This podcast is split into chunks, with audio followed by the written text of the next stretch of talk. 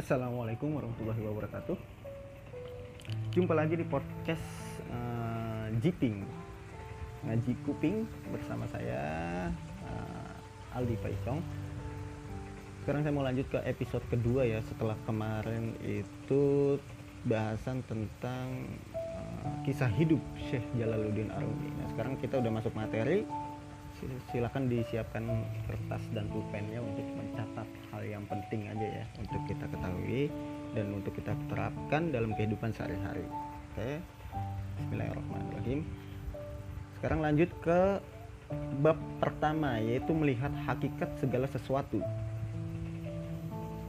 Bentuk dan makna. Syekh Jalaluddin Arumi menaruh iba pada mereka yang mampu melihat dunia dan apa yang ada pada diri mereka sendiri, tapi tidak memahami bahwa apa yang mereka lihat sesungguhnya hanyalah selubung yang menutupi hakikat. Dunia adalah sebuah mimpi, sebuah penjara dan jerat.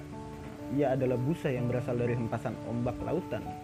Adalah debu yang melayang karena hentakan kaki kuda yang sedang melaju Dunia tak pernah menampakkan diri seperti hakikat yang tersembunyi. Jadi uh, Syekh Jalaluddin Arumi itu berusaha untuk menjelaskan ke manusia untuk jangan melihat bentuk. Apa yang dilihat manusia itu kan cuma bentuk. Jadi uh, Syekh Jalaluddin Arumi ini pengen mengajarkan kepada kita umat untuk melihat makna dan jangan mementingkan bentuk. Nah, kita lanjut. Jika hakikat segala sesuatu telah tersingkap, maka nabi yang diberikan ketajaman mata hati, yang disinari dan menyinari tidak akan pernah mengajukan permohonan doa seperti ini. Ya Tuhan, tunjukkan pada kami segala sesuatu sebagaimana hakikatnya yang tersembunyi. Ini doa an Nabi Shallallahu Alaihi Wasallam karena Nabi tahu segala yang dilihat oleh manusia, oleh umat itu cuma bentuk, maknanya nggak dia lihat. Maknanya tuh nggak terlihat. Nanti kita bahas apa itu makna. Lanjut, Syekh Jalaluddin Arumi membedakan dengan tajam antara bentuk dengan makna. Bentuk adalah penampakan luar, makna adalah hakikat yang tidak terlihat. Melintas yang tersembunyi, makna hakikat makna hakikatnya hanya Tuhan yang mengetahui. Dan karena Tuhan jauh dari segala bentuk kejamakan maka segala sesuatu berarti Tuhan itu sendiri. Bentuk adalah bayang adalah bayang-bayang. Matahari adalah makna. Nah, bayang-bayang kan ada karena ada sinar matahari itu. Jadi bayang-bayang adalah bayangan nih bayangan kita. Itu cuma bentuk maknanya apa? Sinar. Sinar matahari. Atau sinar lampu. Atau cahaya. Seperti itu. Di hadapan makna apalah arti bentuk? Sangat tidak sepandan. Makna langit tetap tersembunyi di persemayamannya. Makna angin menjadikan pengembara badai roda yang berputar. Tawaran bagi air yang mengalir Ketahuilah bahwa segala yang kasat mata adalah fana, tapi dunia makna tak akan pernah sirna. Segala yang tampak oleh mata itu fana, tapi dunia makna tak akan pernah sirna sampai kapan pun. Sampai kapan kita nih uh, terpikat oleh bentuk bejana? Tinggalkan tinggalkanlah ia, pergilah pergi tinggalkan mah tinggalkan dia pergi ambillah air. Jadi sampai kapan kita mementingkan bentuk gelas padahal yang kita butuhkan itu air? Bukan gelasnya tapi airnya untuk menghilangkan dahaga. Itu makna. Gelas cuma bentuk. Yang kita butuhkan air buat minum. Hanya melihat bentuk makna tak akan pernah engkau lihat atau ditemukan. Jika engkau seorang yang bijak, ambillah mutiara dari dalam kerang. Nah, ini maksudnya apa? Jadi maksudnya itu mutiara, mutiara itu kan adanya di dalam kerang dan kerang itu bentuknya cuma seperti itu manusia nggak tahu dulu di dalam di dalam kerang itu ada mutiara mutiara adalah maknanya dari kerang itulah kenapa kerang uh, ada kerang mutiara.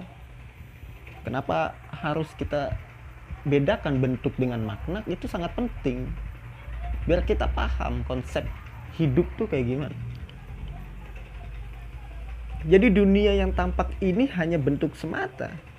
Sekumpulan bentuk-bentuk. Ya bentuk gunung bentuk pohon bentuk matahari bentuk langit bentuk gedung bentuk apa pun itu itu cuma bentuk-bentuknya aja. Masing-masing bentuk memiliki maknanya sendiri-sendiri di dalam Tuhan. Jadi gunung tuh ada maknanya lain bukan bentuknya Ih, itu gunung. Udah stop. Sampai situ enggak di mata Tuhan tuh ada makna lain. Penciptaan gunung nih untuk apa? Penciptaan pohon untuk apa? Penciptaan matahari langit bulan dan segala macam untuk apa? Itu ada maknanya di mata Allah Subhanahu wa taala Manusia tuh tidak boleh tertipu oleh penampakan luar bentuk. Ia harus memahami bahwa bentuk tidak pernah memiliki wujudnya sendiri. Ia hanyalah penampakan dari makna yang berada di balik penampakan wujud luarnya. Bentuk adalah minyak. Makna adalah cahaya. Jangan lagi engkau bertanya mengapa. Jika bentuk adalah bentuk itu sendiri, maka bertanyalah mengapa. Tidakkah dapat diterima jika langit dan seluruh penduduk bumi itu semata bumi bentuk semata. Langit dan penduduk bumi itu cuma bentuk semata. Lampauilah bentuk lepaskan nama-nama dan segala sebutan temukan maknanya. Matahari contoh. Yang sering kita hujat kalau panas kalau siang. Panas banget nih matahari. Padahal maknanya apa ngasih pohon makan. Pohon pada fotosintesis karena sinar matahari. Walhasil dari pohon fotosintesis menghasilkan oksigen yang tiap hari kita hirup. Itulah makna penciptaan matahari dan pohon. Menghidupi uh, umat manusia di dunia ini. Tapi kita cuma ngeliat satu matahari itu panas. Udah kita hujat aja tuh matahari. Nggak tahu padahal dia yang ngidupin kita nggak tahu deh yang kasih makan kita tumbuhan nggak bakal hidup kalau nggak ada sinar matahari tapi kan ada sinar UV lah sinar UV itu diciptakan karena meniru sinar matahari An Nabi Shallallahu Alaihi Wasallam bersabda, lihatlah langit dan bumi dan temukan makna universal melalui bentuk keduanya. Perputaran yang dijadikan oleh roda langit, pergantian musim dan perubahan masa. Kalian lihat betapa segala segalanya berjalan sedemikian rupa sesuai dengan alur masing-masing. Lebih dari itu, betapa awan tahu bahwa ia harus mengirim hujan di setiap musim. Kalian lihat bumi. Betapa memeliharanya tanaman-tanaman dan pertumbuhan yang selalu menjadi yang men, yang yang selalu mengubah satu menjadi sepuluh. Siapa pun yang tahu semua itu Jumpailah dia yang melalui dunia ini dan ambil kesempurnaan darinya. Dari Tuhan maksudnya dari Allah Subhanahu wa taala. Sebagaimana kalian temukan makna dari wujud manusia melalui jasad, temukan makna dunia dari penampakan luar dunia. Di astronomi eh dikotomi antara bentuk dan makna dalam ajaran-ajaran Rumi merupakan ciri utama yang melekat dan harus selalu diingat ia menjabarkan dalam berbagai konteks yang melalui ke seberagaman tamsilan dan simbol-simbol. Tidak ada alasan untuk menolak dikotomi itu. Karena ia memiliki ke, ke, keluasan penerapan. Kita tak perlu terlalu mengikat Syekh Jalaluddin Arumi dengan persoalan terminologi atau mak makna adalah uh, adalah suatu yang berada di seberang bentuk dan segala bentuk penyempitan. Jadi bentuk disebut bentuk itu penyempitan aja. Penyempitan dari makna. Tapi kita nggak tahu itu. Karenanya upaya-upaya untuk mengungkapkan melalui kata-kata senantiasa berada dalam kesamaran. Daripada hanya terpan, terpancang pada pembicaraan pembicaraan filosofis terhadap peris, uh, peristilahan yang telah Syekh Jalaluddin Arumi terapkan lebih baik kita biarkan Syekh Jalaluddin Arumi berbicara sendiri dan sebagaimana yang disarankan kita seberangi segala bentuk definisi serta keterbatasan-keterbatasan bahwa bahasa manusia. Kami sering berbicara tentang perbedaan makna bentuk secara filosofis, sekalipun e, melalui tamsilan-tamsilan dan simbol-simbol puitis disampaikan istilah makna bentuk. Syekh Jalaluddin Arumi juga menggunakan istilah-istilah lain secara berpasangan, sebab sekunder, sekunder dan musabab atau sebab utama, zahir dan batin, debu dan angin, lukisan dan sang pelukis, bayang-bayang dan cahaya.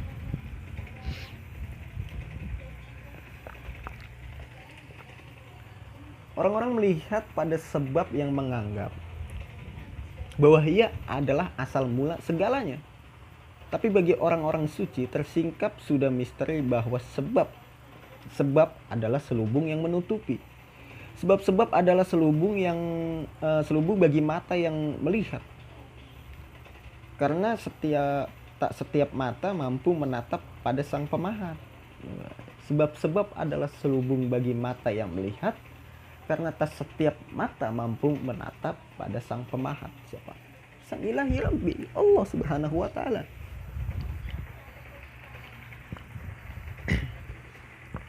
Lanjut. Ada mampu ada ada mata yang mampu melihat menyingkapkan tirai-tirai menemukan sebab dari segala sebab sebab pertama yang tak mengenal tempat tak memerlukan kehidupan tiada pernah menerima upah dan perbelanjaan dia jauh dari itu semua Dialah sebab dari segala kebaikan dan kejahatan. Tiadalah arti segala sebab dan perantara. Tapi semua kengerian terpampang di tengah jalan sehingga kedudukan terus saja membuta. Dalam kitab uh, Fima Fihi Barang siapa yang melihat pada sebab-sebab dia akan menjadi pemuja bentuk. Barang siapa yang menatap pada sebab pertama, dia akan menemukan cahaya yang memancarkan makna. Sebab-sebab itu kan uh, sebab-sebab itu kan dua yang kedua berarti dua nih. Ada dua uh, ada dua yang didefinisikan. Sebab-sebab dan sebab itu beda. Bukan pelanggaran ham dan pelanggaran ham berbeda ya itu beda server itu. Tahu tuh orang mana. Dunia yang tampak tiada lain hanya debu hanyalah debu. Yang tak tampak darinya adalah kilauan cahaya Tuhan yang gemilang terjadi pertentangan antara wujud dunia yang tampak dengan hakikatnya yang tak tampak. Yang ta tampak bagaikan mutiara yang dan yang tampak adalah batu. Yang pertama berkata, "Inilah aku dan tiada yang lain." Yang kedua berkata, "Perhatikan baik-baik apa yang ada di balik dirimu dan di belakangmu." Yang tampak menolak dan berkata, "Tiadalah artinya yang tak tampak." Tapi yang tak tampak berkata lagi, tunggulah akan kami tunjukkan pada kalian. Orang-orang kafir hanya mampu berkata tiada tempat selain dunia yang tampak ini. Ia tidak pernah menyadari bahwa segala yang kasat mata memantulkan cahaya kebijaksanaan yang tersembunyi. Sungguh hakikat dunia yang tampak tersembunyi di balik yang tak tampak, seperti khasiat sebuah obat. Telusurilah wujud yang tampak ini, akhirnya engkau akan sampai pada yang tersembunyi. Dia mengadu-adu dunia sebagaikan debu, terbungkus debu dia seperti angin nah, ini jelas ya. dunia adalah debu dan di dalamnya tukang sapu dan sapunya tersimpan wujud adalah debu kilauan cahaya yang berasal dari rembulan palingkan dirimu menuju rembulan tak usah engkau hiraukan debu. Kita lihat bulannya jangan lihat debunya. Debu bentuk. Gitu maksudnya. Siang dan malam. Lautan senantiasa terhempaskan uh, menghempaskan busa. Kalian adalah busa bukan lautan betapa perkasanya. Mungkinkah busa bergerak tanpa hempasan gelombang mungkinkah debu bertebangan ke angkasa tanpa angin karena kalian telah melihat debu lihatlah angin karena kalian telah melihat busa, tetaplah kekuasaan kekuatan daya cipta lautan. Gitu. Jadi kita jangan melihat bentuk tapi lihat maknanya tuh. Kita lihat debu yang terbang. Di balik itu ada makna angin yang niup debu itu terbang tuh. Kita selalu melihat buih lautan tapi di, di, di dalam maknanya tuh ada lautan yang luas tuh yang menciptakan buih itu sendiri. Dunia adalah busa bagi lautan. Jika engkau seorang yang bersih seberangilah busa. Dunia adalah busa bagi lautan. Seberangi busa kita cap kita kita sampaikan kita ke lautan siapa Allah subhanahu Keindahannya adalah matahari, dunia adalah tirai. Tapi apakah yang tampak seperti lukisan tiada lain adalah guratan-guratan dan desain?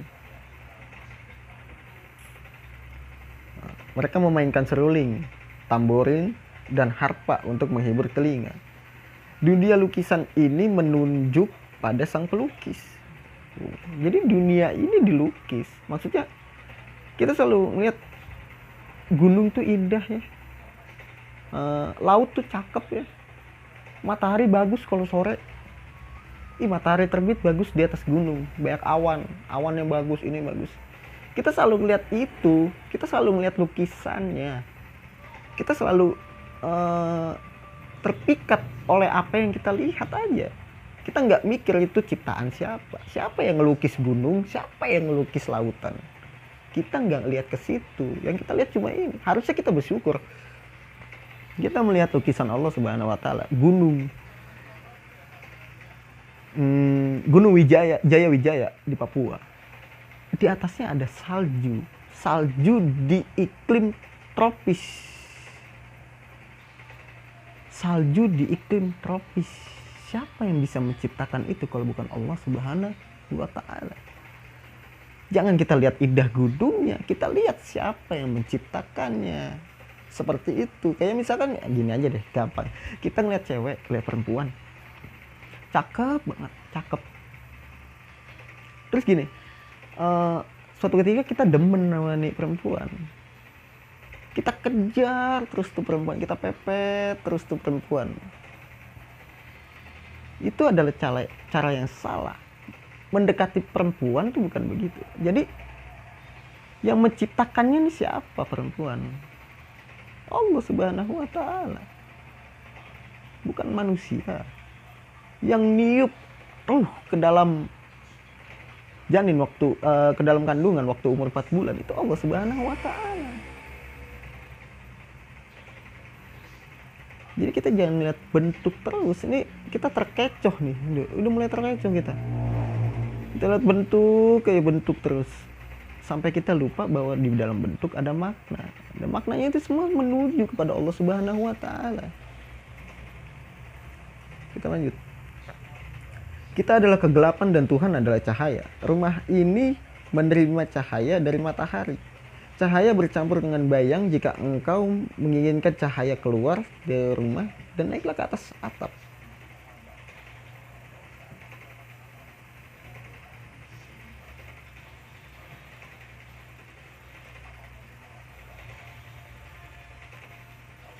lanjut ya. Lanjut ke itu tadi pembahasan nomor satu tentang bentuk dan makna dan sekarang pembahasan kedua tentang eksistensi dan koneksistensi. Ini agak panjang ya nggak apa-apa ya. Ngaji itu apa atau oh oke. Okay. uh, bab ini nanti saya lanjut aja di part kedua deh. Eh, di part keduanya uh, tentang tentang melihat hakikat segala sesu sesuatu uh, tadi yang nomor satu itu bentuk dan makna dan kedua itu ada tiga. Uh, jadi yang ke kedua ini eksistensi dan koneksistensi. Itu akan saya bahas di part keduanya. Nanti yang ketiga ada bayang-bayang dikotomi. Yang keempat ada ilmu tentang agama. Ilmu tentang agama-agama. Nah itu baru nanti kita masuk ke bab berikutnya yaitu roh, hati, dan akal. Nah, ya. Mudah-mudahan ada manfaatnya. Bila itu wal hidayah wal inayah. Assalamualaikum warahmatullahi wabarakatuh. Oh ya, satu lagi jangan lupa setiap mau dengerin podcast ini jangan lupa bacakan surat Fatihah untuk Syekh Jalaluddin Arubi. Ya. Jangan sampai lupa itu. Penting sekali itu. Oke. Sampai jumpa di podcast berikutnya. Semoga ada manfaatnya. Terima kasih.